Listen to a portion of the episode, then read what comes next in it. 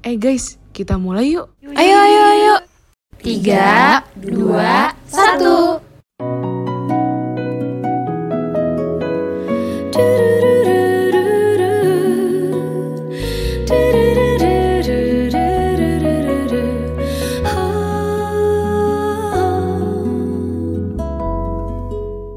Halo kolaborators. Selamat datang di iPod. IKK Podcast. Halo semuanya. Halo semuanya. Bertemu lagi di podcast Bincang Asa. Podcast Bincang Asa kali ini akan ditemani oleh aku, Yola Novia. Dan aku Shiva. Oke, jadi gimana nih kabarnya Sobat Asa semua? Semoga pada sehat-sehat ya. Amin. Apalagi sekarang kasus COVID lagi naik-naiknya kan ya. Jadi semoga teman-teman pendengar dan keluarga sehat selalu. Jangan lupa untuk selalu patuhi protokol kesehatan dan yang terpenting jangan keluar-keluar rumah kalau bukan untuk urusan darurat ya guys. Betul sekali. Nah, kali ini kita mau bahas apa nih? Berhubung di tanggal 12 kemarin ada peringatan hari penting, Wah, iya. Apa tuh? Hari Koperasi Nasional. Wow. Jadi, setiap tanggal 12 Juli di Indonesia diperingati sebagai Hari Koperasi Nasional. Hari Koperasi Nasional ini ditetapkan sejak 12 Juli 1947 saat diadakannya Kongres Gerakan Koperasi pertama di Tasikmalaya.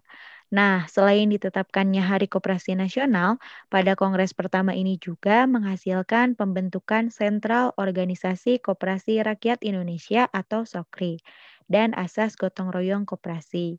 Lalu, Kongres Koperasi Nasional yang kedua baru diadakan kembali pada tanggal 15 sampai 17 Juli 1953. Pada kongres kedua ini terjadi penggantian nama SOKRI menjadi Dewan Koperasi Indonesia serta menetapkan Muhammad Hatta sebagai Bapak Koperasi Indonesia karena beliau dianggap telah berjasa bagi perkembangan perekonomian di Indonesia. Nah, sebenarnya sejarah atau cikal bakal koperasi di Indonesia udah ada sejak zaman penjajahan Belanda. Koperasi awalnya didirikan sebagai upaya untuk menolong orang-orang yang terlilit hutang dari rentenir atau lintah darat. Oleh karena itu, terdapat seorang bangsawan yang bernama Raden B. Arya Wirya Atmaja yang mendirikan semacam bank simpan pinjam. Hal ini mendapat banyak dukungan dari para pejabat pemerintah kolonial Hindia Belanda karena pada saat itu sedang digalakkan politik etis atau politik balas budi. Wah, wah, panjang juga ya sejarah cikal bakal terbentuknya koperasi di Indonesia. Bener banget, padahal itu baru cerita singkatnya aja loh. Wadaw, ngomong-ngomong udah panjang lebar gini nih, sebenarnya udah pada tahu belum sih makna dan tujuan koperasi? Menurut Sipa sendiri nih, definisi koperasi sendiri itu apa sih? Duh, kalau menurut aku sih ya, koperasi itu lembaga salah satu lembaga keuangan yang dijalankan oleh anggota dan bermanfaat bagi anggota itu sendirinya juga. Kalau menurut Yola gimana?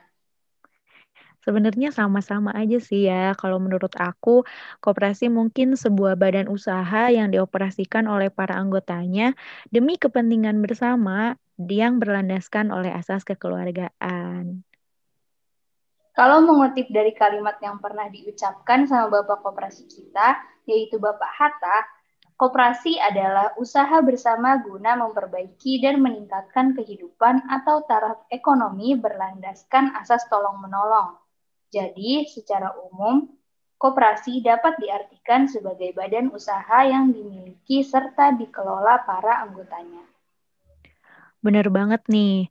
Berdasarkan UU nomor 25 tahun 1992 tentang perkoperasian di pasal 3, koperasi memiliki tujuan untuk mensejahterakan anggota pada khususnya dan masyarakat pada umumnya, serta ikut membangun tatanan perekonomian nasional dalam rangka mewujudkan masyarakat yang maju, adil dan makmur berdasarkan Pancasila dan Undang-Undang Dasar 1945.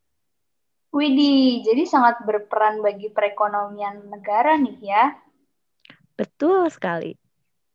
Wah, jadi apa aja tuh peran koperasi dalam perekonomian Indonesia? Banyak nih.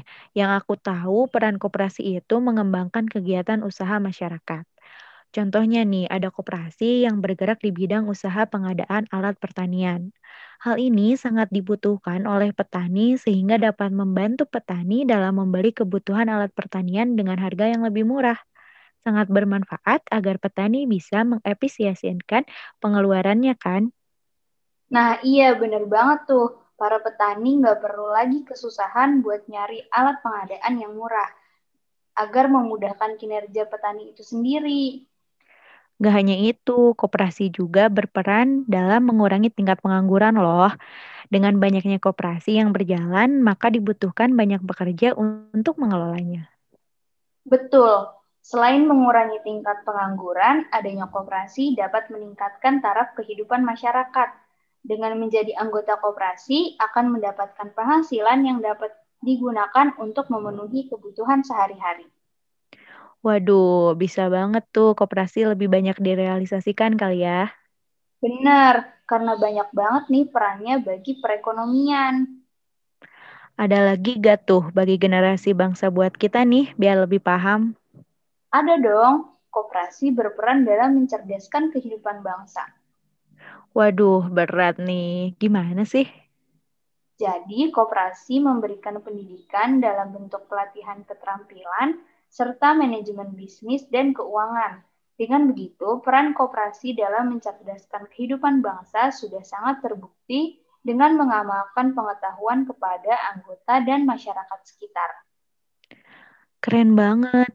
Sebagai generasi milenial, kayaknya kita harus banget nih banyak belajar tentang koperasi.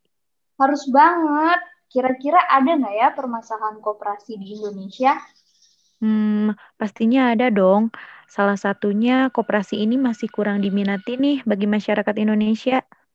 Oh bisa ya? Mungkin karena masyarakat kurang dilatih dan banyak persaingan dengan badan usaha lain kayaknya.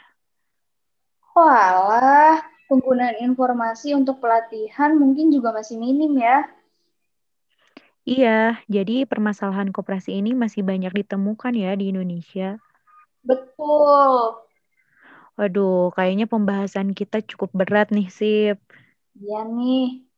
Semoga penyampaian kita nggak beribet ya, Yol. mungkin udah kali ya pembahasan kita tentang koperasi ini. Teman-teman yang lain mungkin bisa cari-cari lagi kalau masih perlu tambahan ilmu yang lainnya. Iya, semoga pembahasan kita kali ini bermanfaat dan para generasi muda dapat memaknai Hari Koperasi. Nah, aku mau nyampaikan sedikit closing statement ya, Sip. Koperasi sebagai salah satu urat nadi perekonomian bangsa dan dikembangkan oleh pemerintah. Dengan memberdayakan koperasi berarti juga bisa memberdayakan masyarakat yang pada akhirnya akan mampu memberdayakan perekonomian nasional. Wow, keren. Mungkin cukup sekian dari kami. Kurang lebihnya mohon dimaafkan. Sampai bertemu di bincang asal selanjutnya. See you semuanya. Enjoy it.